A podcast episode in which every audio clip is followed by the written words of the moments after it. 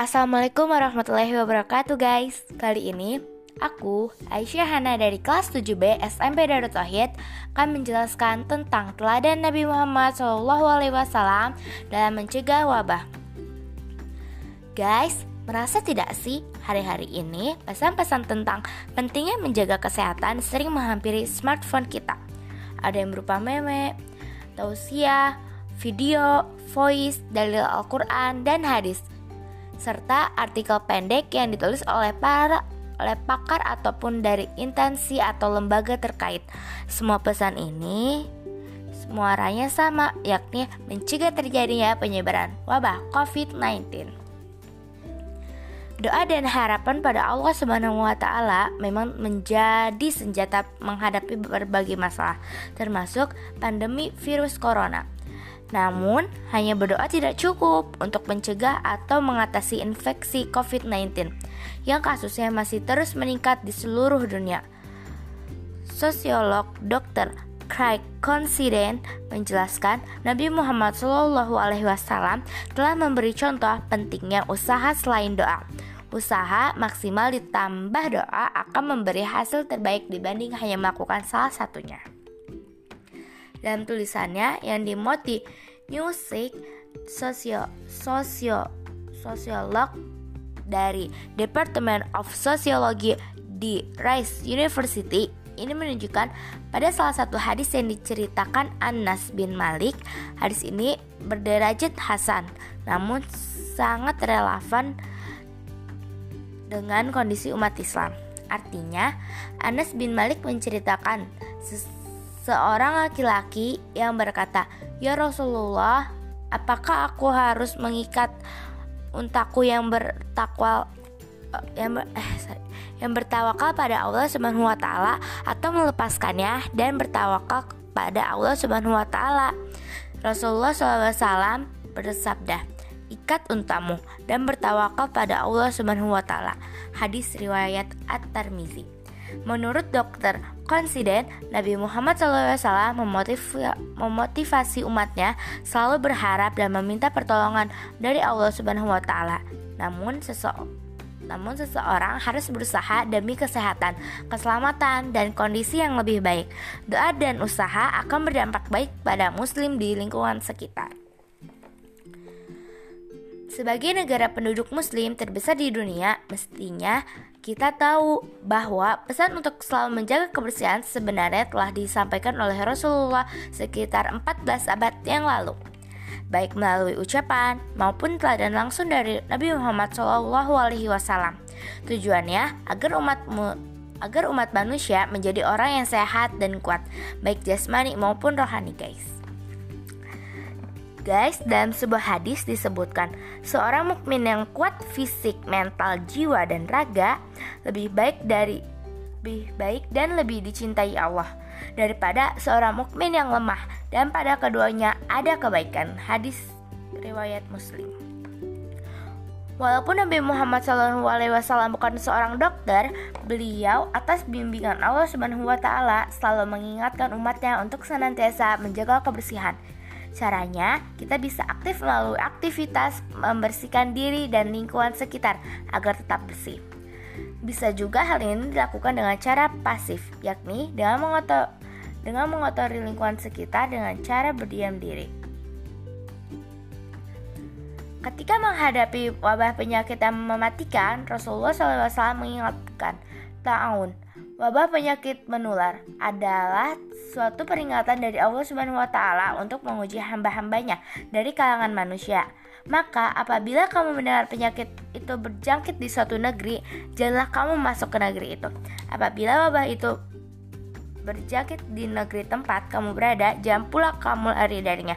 Hadis riwayat Bukhari dan Muslim dari Usama bin Zaid. Rasulullah juga menganjurkan untuk isolasi bagi yang sedang sakit dengan yang sehat agar penyakit yang dialaminya tidak menular kepada yang lain. Hal ini sebagaimana hadis jaga eh sorry janganlah yang sakit dicampur baurkan dengan yang sehat. Hadis riwayat Bukhari dan Muslim dari Abu Hurairah. Dengan demikian, penyebaran wabah penyakit menular dapat dicegah dan diminimalisasi. Aktivitas inilah yang sekarang dikenal dengan social distancing, yakni suatu pembatasan untuk memutus rantai penyebaran wabah COVID-19. Caranya adalah jauhi kerumunan, jaga jarak, dan di rumah saja atau bahasa gaulnya stay at home. Kegiatan social distancing tak hanya dalam muamalah seperti pendidikan, ekonomi, politik, hukum, sosial, budaya, pemerintahan, dan sebagainya dan sebagainya yang langsung berhubungan dengan sesama manusia, tetapi juga dalam hal ibadah. Dengan demikian, sholat berjamaah di masjid boleh diganti dengan sholat di rumah. Sholat Jumat pun boleh diganti dengan sholat zuhur di rumah, guna menghindari wabah penyakit. Ini, inilah yang kemudian dalam hadis yang dijadikan kaidah fikih yakni